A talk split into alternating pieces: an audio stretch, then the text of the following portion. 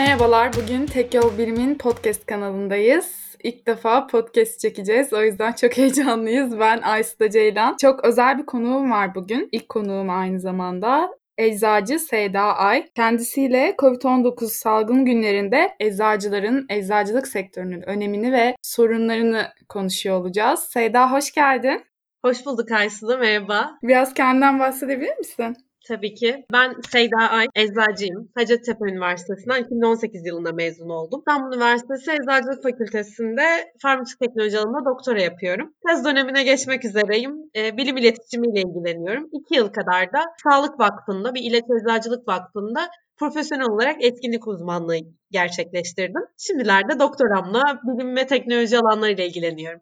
Harikasın. Şimdi aktif olarak e, şu anda COVID-19 salgın döneminde eczanede çalışmıyorsun ya da herhangi bir eczanen yok ama sektöre de hakimsin çünkü çevrende çok eczacı var. O yüzden birazcık senden böyle sahadaki eczacılar şu an neler yapıyor, neden daha bu süreçte daha önemliler onu biraz dinleyebilir miyiz? Elbette dediğin gibi yani aktif olarak eczane eczacılığı yapmıyor olsam da gerçekten çok çevremde eczacıların varoluşundan ötürü ve onların sorunlarıyla ilgilenmeye çalışıyor olduğum için birçoğuna vakıfım denebilir. Yani şu süreçte eczacılar tamamen düzenin değişiminde hızlı bir şekilde ayak uydurması gereken ilk sağlık personellerinden biri oldu aslında. Çünkü şöyle anlatabilirim. E, normalde reçeteli ilaçlar, reçetesiz ilaçlar, raporlu olan hastaların gidip ilaçlarını daha öncesinde aile hekimine, pratisyenlere yazdırarak almaları gerekirken bir anda süreç reçetesiz olarak ilaçlarını alabilmelerine döndü. Yani ilk koronanın salgının başladığı evrelerde de herkes gerçekten çok panikti. Buna biz de dahil olmak üzere. Bu çerçevede dezenfektan, maske temini bu noktalarda eczaneler gerçekten çok önemliydi. Ve yeri geldi dezenfektanları onların tükendiği zaman dilimlerinde biz onlara magistral diyoruz. Yani normalde fakültede bir dezenfektan yapımını biz zaten laboratuvarlarda öğreniyoruz. Bunu tamamen eczacılar artık sahada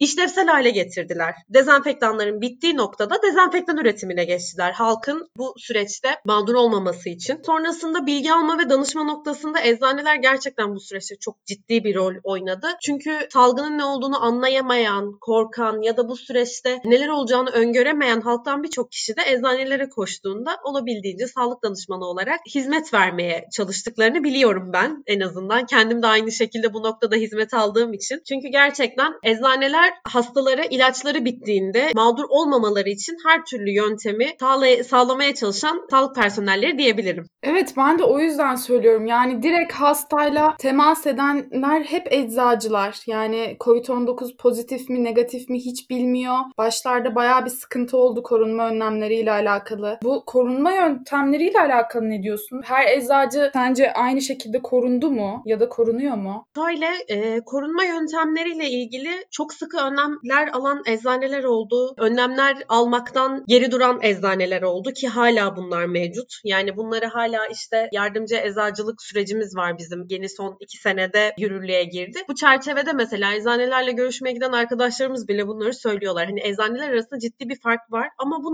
noktada korunma ile ilgili eczacılarımız şikayetçi aslında. Çünkü özellikle genç eczacılar üst kurumlarından, odalardan genel bir korunma prosedürü beklemişlerdi. Bu sonrasında geldi işte bir metre mesafe koyarak, olabildiğince eczaneye az kişinin, az hastanın girmesini sağlayarak korunma yöntemlerini uygulamaya çalışıyorlar. Şu da bir gerçek. Gerçekten dediğin gibi pozitif mi, negatif mi bilmeden hasta bile bunun farkında olmadan çok fazla temas sağlandı. Kim eczanelerde eldiven bile maskeyi geçtim artık gerçekten eldiven bile çok sonraki evrelerde kullanılmaya başlandı. Bu noktada çok fazla eczacı meslektaşımızın pozitif olduğunu da biliyoruz ve yaşa bağlı olmaksızın viral yükünün çok olması nedeniyle kaybettiğimiz eczacılarımız da var gerçekten. Bu çok üzüyor bizi ama bu noktada gerçekten hani hastaların, halkın eczanelere çok ihtiyacı var ve yani maskesi bittiğinde, dezenfektana ihtiyacı olduğunda veya bilgi almak istediğinde yine koşup gittiği zaten eczane oluyor, eczacıları oluyor. Bu noktada da herkes canla başla tüm eczacılar çalışmaya çalışıyorlar benim bildiğim kadarıyla. Evet dediğin gibi hakikaten eczacılar için belli bir yönetmelik olmaması çok üzücü. Ben de bir vatandaş olarak gittiğimde hep bir belli bir standart görmek istiyorum açıkçası. Birine gidiyorsun koruma yöntemleri çok fazla. Birine gidiyorsun hiçbir şey yok sadece maske takmış vesaire. Gerçekten bu üzücü. Ben de böyle bir bu soruya nokta koymuş olayım. Şimdi Seyda şeyi sormak istiyorum. Bu reçetesiz ilaçlar konusunu da biraz konuşalım. Şimdi internete bir ilaç yazılıyor. Herkes eczane eczane o ilacı arıyor. Yani bu ne kadar doğrudur? İnternetteki ilaç listelerine güvenmeli miyiz? Ne diyorsun bu konuda? Kesinlikle yanlış. Zaten başta bunu söylüyor olayım. İnternette ilaçların yazılmasının ardından vatandaşlar ilacın ismini aldıkları an koşa koşa eczaneye gidip bunları temin etmeye çalışıyorlar ama işin altında bambaşka sebepler, işte bambaşka kronik hastalıklar da yatıyor olabilir. Yani şöyle söyleyebilirim. Mesela en basitinden günümüzde zaman diliminde popüler olan ilaç plekuenil. Bunun profilaktik bir etkisi olmamasına rağmen profilaktik derken söylemek istediğim yani hastalığı önleme gibi bir etkisi yok. Covid pozitif olan hastanın tedavisinde kullanılan bir ilaç olan yani korona öncesinde de plekuenil antimalaryal olarak yani sıtma ilacı olarak kullanılan bir ilaç ve romatizma hastalıklarında da kullanılıyor. Ve hastaların raporlu olarak kullandığı bir ilaçtı. Birisi çıkıyor e, ve diyor ki plekuenil çok iyi geliyormuş işte koronadan bizi koruyan bir ilaçmış gibi internette, WhatsApp gruplarında ve işte birçok yerde sosyal mecralarda bunu yazdığı zaman vatandaşlar koşa koşa gidip bu ilacı almaya çalışıyorlar ama zaten kullandıklarında hiçbir işe yaramayacak. Tam tersi ciddi yan etkileri olan ilaçlar bunlar. Yani plekuenil, retinopati, ciltte kızarıklık, Steven Johnson sendromuna kadar birçok böyle gerçekten sıkıntılı yan etkilere sebebiyet verebiliyor. Bu noktada ciddi anlamda internetten işte hangi ilaç ne işe yararmış gibi öğrenmek zaten salgın döneminde olmasa da normalde de bizim eczacılar olarak halkın yapmamasını böyle imtina ile söylediğimiz şeylerden birisi. Ve şu var reçetesiz ilaçlar dendiği zaman aklımıza işte sadece sosyal medyada korona için işte covid için yazılan ilaçlar geliyor ama şu da bir gerçek karantina sürecinde işte hepimiz gerçekten psikolojik olarak zor zamanlar geçiriyoruz. İşte evlerimizdeyiz. Bu sürecin ne kadar süreceği belli değil. Bir karamsarlık hakim ve sağlık personellerinin ne kadar zorlu süreçler atlattıklarını görüyoruz. Birçok yani vaka sayılarının arttığını görüyoruz ve gerçekten yani bu süreçte karamsarlıktan çıkmak aslında çok giderek zorlaşıyor ve herkes bir antidepresan arayışına giriyor aslında ve birçok antidepresan reçetesi alınabiliyor oluşu kişileri bu yanılgıya düşürebilir. Ben mesela aktif eczacılık yapmamama rağmen yani eczane eczacılığı yapmamama rağmen bu süreçte o kadar çok antidepresan tavsiyesi istendi ki benden. İnanamazsın yani gerçekten işte ben çok bunalıyorum. Kendimi daha iyi hissedebilmek için, daha mutlu hissedebilmek için ne kullanabilirim? Aslında antidepresanların gerçekten gerekliliği apaçık bariz ama bu süreçte gerçekten gidip direkt antidepresana sarılmak doğru değil ve reçetesiz ilaçlara da aslında bu kadar rağbet göstermek de şunu ortaya çıkarıyor. Mesela işte bahsettiğim gibi plekuenil olsun, useltamivir olsun birçok ilacın kronik olarak kullanan hastalarımız var. Koşa koşa gidip herkes işte bu ilacı temin etse bu hastaların hastalık sürecinde ilacı temin etmesi zorlaşacak. Belki de mümkün olmayacak olmayacak. Bu yüzden mesela birçok işte şu an yönetmelikler, yaptırımlar var. Sadece hastaneden korona tedavisinde veya işte bu ilacı kullanan hastalar gidip sadece hastaneden temin edebiliyor gibi farklı yönetmelikler de devam ediyor. Yani bu aslında büyük bir düşüncesizlik oluyor değil mi? Sadece kendini düşünüyorsun, gidiyorsun saçma sapan hiç yan etkilerini vesaire bilmeden alıyorsun ve gerçekten ihtiyacı olan hastaların da aslında sağlığını etkilemiş oluyorsun. Bu çok korkunç bir şey. Evet gerçekten. Aynen dediğin gibi yani kalkıp gerçek ciddi anlamda bir e, romatoid artrit hastası gidip ilacını eczaneden bulamadığını yaşayabileceklerini düşünsene ve bunu kronik olarak kullanıyorlar. Kronik hastalıklarını kontrol altına almaları da ciddi anlamda zorlaşmış oluyor. Evet çok haklısın. Şimdi bu reçetesiz ilaçları konuşmuşken yani konumuz ilaçlarken biraz da bu günümüzdeki aşı ve ilaç çalışmaları ile ilgili konuşalım istiyorum. Yani daha çok kısa bir süre oldu. Şurada 4-5 aylık bir salgından bahsediyoruz görüyoruz. Bu kadar kısa zamanda yeni bir ilaç, yeni bir aşı. Yani ne kadar sürer sence? İlaç bulmak, aşı bulmak bu kadar kolay mıdır? Hayır. Ne yazık ki değil. Keşke öyle olsaydı. Çünkü bu e, yani ben de doktora sürecimde bu süreçler üzerine çalıştığım için ve yani eğitim hayatım boyunca, lisans hayatım boyunca da bunlara çok maruz kaldığım için yakından takip ediyor ve biliyorum. Şöyle ki aşının süreci ilaçtan çok daha uzun sürebiliyor. Yani şunlar var. Çok fazla aşamaları var. Neden? Çünkü biz insan sağlığını korumak ve ciddi anlamda o sağlık bütününü sağlayabilmek için bunları kullandığımızdan dolayı çok fazla testten geçirmemiz gerekiyor. İşte bir sürü fazı var. Faz 0, faz 1, faz 2, faz 3, faz 4 diye ilerliyor ve bunlar birçok klinik aşamadan geçiyor. Deney hayvanları, sonrasında hasta bireylerde, sağlıklı gönüllülerde vesaire sonrasında farmakovijilansları toplanıyor. Yani bu aslında çok çok uzun bir süreç ve hep bize şey anlatılırdı yani lisanstayken de ki hala öyle. İşte mesela ilaçtayken birçok etkin madde o yola girer popüler ama işte çıkan bir tane iki tanedir ki yani bu süreçler ciddi anlamda maliyeti yüksek süreçler. Aşı sürecinde de mesela işte hani hadi ya aşı bulunamadı mı gibi şeylerle karşılaşıyoruz. Özellikle bunu mesela çok ironiktir bence. Aşı karşıtları söylüyor. Hani bir aşı bulunamadı mı yani hani neymiş bu kadar sürede falan diye. Çok komik geliyor yani. Evet hem karşı olurlar hem de isterler. Ama yani bazı aşılar geçen bir şey gördüm. 40-50 yıl süren aşılar var bulunması yani. Biz yine bence çok iyi konuşuyoruz 1-2 yıl. Kesinlikle yani bunlar ciddi uzun süreçleri barındırıyor. Çünkü şu var geçmişe nazaran şimdi daha hızlı ilerliyor. Çünkü immünolojiyi, bağışıklığı çok daha iyi aslında tasvir edebiliyoruz, anlayabiliyoruz ve işte bilimin daha ilerlemiş olmasından, bilimin ve teknolojinin daha ilerlemiş olmasından dolayı süreçler elbette kısaldı. Özellikle korona sürecinde yani bu salgın sürecindeyken birçok prosedürü de devletler aslında göz ardı edebildi. Yani bu süreçler ciddi anlamda uzun süreçler ve gerçekten dediğin gibi yani şu an mesela 6 ay gibi bir sürede çıkması bekleniyor ve dünya bu anlamda gerçekten seferber olmuş durumda. Yani baktığın zaman mesela birçok yerde şu an işte ben birkaç böyle haberi de derledim seninle paylaşabilmek için. Çok fazla böyle ilerlemiş aşı çalışmaları da var aslında. Yani mesela Brezilya'da şu an Manos Tropik Tıp Enstitüsü bilim insanlarının bir yürüttüğü testten bahsediyorlar mesela. Klinik denemede yüksek doz ilaç verilen hastaların bazıları kalp ritim bozukluğu göstermiş, bazıları işte e, iki hastada kalp çarpıntısından ölmüş. Yani bu süreçte bir de şu var. Hem aşılar, ilaçlar deneniyor hem de dozları aslında ne kadar doz verileceği bilinemediği için böyle üzücü tablolarla da karşılaşılabiliyor. Beni aslında en sevindiren şeylerden birisi Almanya'da aşı için ilk klinik deney izni alan Profesör Doktor Uğur Şahin. Onun geliştirdiği aşı ilk 12 deney gerçekleştirildi. 29 Nisan haberine göre. ilk aşamada da 200 kişiye aşı yapılacak ve aslında aşısının klinik aşamalarda olması da bizi ümitlendiren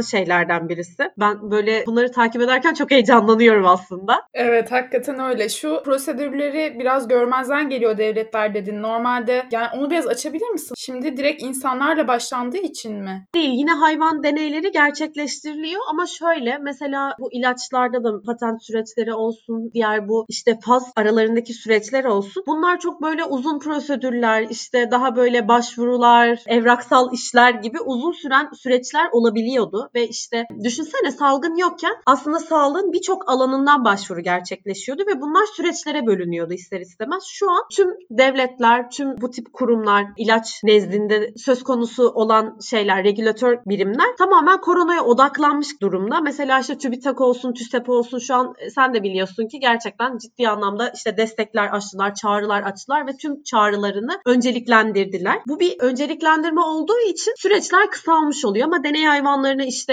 bu deneylerin gerçekleştirilmesi, klinik olarak çalışmaların gerçekleştirilmesi elbette devam ediyor. Çünkü bunlar çok önemli ve güvenilirlik açısından aşının, ilacın hastaya uygulanmadan önce mutlaka geçmesi gereken süreçler. Bu noktada hiç taviz verilmiyor diyebilirim. Gerçekten bir aşının sanırım etkinliğinden de çok güvenilirliği önemli galiba. O yüzden uzun sürüyor değil mi? Yani birçok bir test yapmak zorundasın ki bunu bütün insanlara verebilesin. Kesinlikle. Çünkü hep böyle şeyde bahsedilirdi ya bizim lisedeki işte biyoloji derslerimizde falan da. İşte zayıflatılmış mikrop işte şeydeyken ortaokuldayken falan hep böyle bir e, tanımlama vardır. Hani aslında basit olarak baktığın zaman gerçekten hastaya verdiğinde hastayı antikor üretebilecek, ona karşı bir savunma gerçekleştirebilecek düzeyde olması gerekiyor ve bu etkin dozu da ayarlayabilmek için ve güvenilirliğini sağlayabilmek için ciddi süreçler gerekli oluyor. Şimdi biraz şey konusuna girmek istiyorum. Bu gıda takviyeleri konusu. Bu ara o da çok gündemde. Yine insanlar böyle ezbere gidip şu vitamini de alayım, bunu da alayım, yok çinko alayım. O da tamamen kulaktan duyma bir şekilde insanlar eczanelere akın ediyorlar. Bağışıklığa etkisi olduğunu söyleyerek. Bu konuda ne düşünüyorsun? Yani gıda takviyeleri ne kadar kullanılmalı ya da kullanılmalı mı? Nasıl bir yol izlemeli insanlar? Gıda takviyeleri noktasında şunu söyleyebilirim. Salgın haricinde de normal şartlarda da bizim bağışıklığımızı güçlü tutmamız ve de hastalığa yakalanmamak için olabildiğince vitaminlerimizin, mineral dengemizin aslında optimumda olması gerekiyor. Şimdi bu süreçte işte ne kadar C vitamini alırsam o kadar iyi olur, ne kadar D vitamini alırsam o kadar iyi olur mantığı kesinlikle yanlış. Çünkü zaten kişinin D vitamini olması gereken düzeydeyse ve gidip tekrar bir takviye alıyorsa bu onda toksiteye sebebiyet verebilir. Yüksek dozda D vitamini alınmasının e, hepatoksite gerçekleştirdi. Yani karaciğerde bir toksite gerçekleştirdi. Zaten kanıtlandı. O yüzden olabildiğince sağlıklı olmaya yani şu takviyeden ziyade hep şunu öneriyoruz. İyi uyumak, sağlıklı beslenmek, de olabildiğince sebzeden, meyveden olması gerektiği kadar yemek. Yani aslında çok yemenin de çok bir faydası yok ciddi anlamda. Bol miktarda sıvı tüketmek şeklinde biz hastalara hep önerilerde bulunuyoruz. Ve şu var bu süreçte agresif diyetlerden uzak durmak gerekiyor aslında. Hepimiz karantina sürecinde baktığımız zaman birçoğumuz aslında evdeyiz ve canımız sıkıldıkça yiyoruz. Ya işte çok kilo aldım hadi ben bir alkali diyet yapayım hemen kilolarımı vereyim. Bu çok yanlış. Çünkü bağışıklığı aslında bu süreçte ciddi anlamda değiştirmemek gerekiyor. İşte alkali diyetler, agresif diyetler bunlar bağışıklığı kötü etkileyen aslında bu süreçte. Bu süreç için söyleyebilirim. Hareketler olur diyebilirim. Çünkü mesela şu var. C vitamini, D vitamini, çinko bunları almakta bir zarar yok. Yani zaten eczaneye gittiğinizde ve kendi durumunu açıkladığında eczacı buna uygun besin takviyeleri veriyor oluyor. Ama bir de bu işin internetten alma evresi var. Özellikle korona başladığından beri, salgın başladığı günden beri Sambucus nigra dediğimiz karamürver içerikli besin takviyelerinde korkunç bir patlama oldu. Çok güzel bir reklam kampanyası yaptılar aslında. Ve şu var işte koronada etkili olduğuna dair. Şu bir gerçek. Ben de mesela rutinde Sambucus nigra'yı kullanıyorum Sambucol'ü. Efervesen tabletini ve çok da seviyorum yani. Çok da başarılı buldum besin takviyelerinden biri. Ama koronaya birebir etkilidir demek bence çok doğru değil. Bağışıklığı arttırıyor evet ama bu noktada bağışıklık sorununuz varsa mesela ben bu süreçlerde mevsimsel alerjiden dolayı, alerjik rinitten dolayı bağışıklığım çok düşüyor. Zorlu bir süreç geçiriyorum aslında. Bu yüzden mesela belli zaman dilimlerinde kullanıyorum. Ama şu demek değil ki işte koronaya çok iyi geliyor. Hadi hepimiz Sambucus nigra kullanalım demek değil. Amerika'da mesela %400 artmış satışları. Türkiye'de de mesela eczanelerde yok. Git yoka düştü şu an. Bulamazsın çok zor. Yani dediğin gibi çok iddialı bence değil mi? Yani koronaya iyi geliyor demek çok aşırı iddialı ve gereksiz aslında. Kesinlikle çünkü biz zaten şu an mesela işte biliyorsun Covid'in genomları işte açıklandı, bir sürü çalışmalar devam ediyor vesaire. Yani işin bilimsel camiasında bile çok fazla yayın yapılıyor, çok fazla yalan haber dolaşıyorken kalkıp da bilgi sahibi olmadığımız bir virüse karşı bu kadar büyük sözler söylemek bence de çok doğru değil. Ben öyle düşünüyorum en azından. Ama şunu söyleyebilirim. D vitamini, C vitamini yani bunları D vitaminini gerçekten karantinadayız tamam çok zorlu bir anlamda ama işte balkona çıkıp bir iki saat güneşlenerek veya C vitaminini meyvelerden de portakaldan vesaire almaya çalışarak aslında çok daha sağlıklı bir yol izlemiş oluruz. Ama bir vitamin eksikliğiniz varsa mutlaka bunu optimum düzeyde tutmak gerekiyor. Yani bırakalım da düşsün demek değil aslında bu. Olabildiğince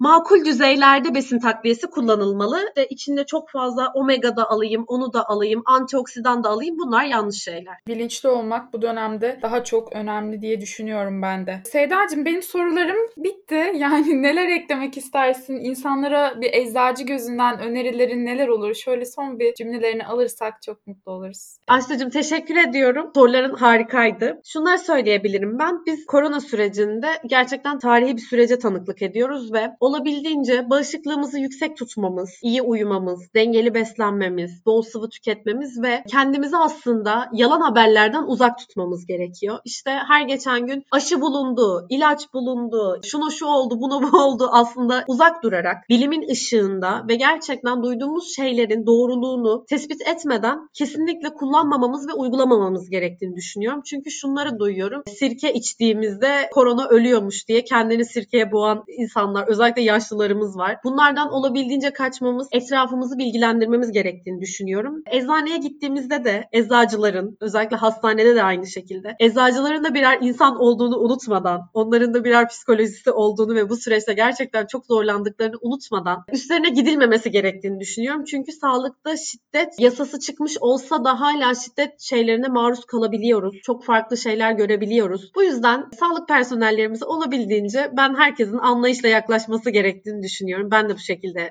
yaklaşmaya çalışıyorum ve anlayabiliyorum hastaları da. Çünkü eczanede çok farklı şeylerle karşılaşabiliyoruz. Bu yüzden bağışıklığımızı gerçekten optimumda tutup sağlıklı bu günleri geçirmemiz gerektiğini söyleyebilirim. Çok teşekkür ediyorum. Ben çok teşekkür ederim Seyda. Katkıların o kadar güzel oldu ki yani bu salgın günlerinde en önemli şeylerden biri doğru bilgi. işin uzmanından doğru bilgileri almak. O yüzden katılımın çok değerliydi ve ilk podcast konuğum olduğunda ayrıca teşekkür ediyorum ve çok özel olduğunu da söylemek istiyorum. Çok teşekkür ederim Avistacığım. O kadar heyecanlandım ki beni ilk yayınına konuk olarak aldığın için ben teşekkür ederim. Aa, çok sağ ol. Eksik olma. Evet Eczacı Seyda Ayla çok güzel bir podcast çektik. Ben gerçekten kendi adıma çok bilgilendim. Umuyorum ki size de çok faydalı faydalı olmuştur. Tek Yol Bilim'in podcastleri devam edecek. Bizi sosyal medya hesaplarımızdan da takip etmeyi unutmayın. Tek yolunuz bilim olsun. Hoşçakalın.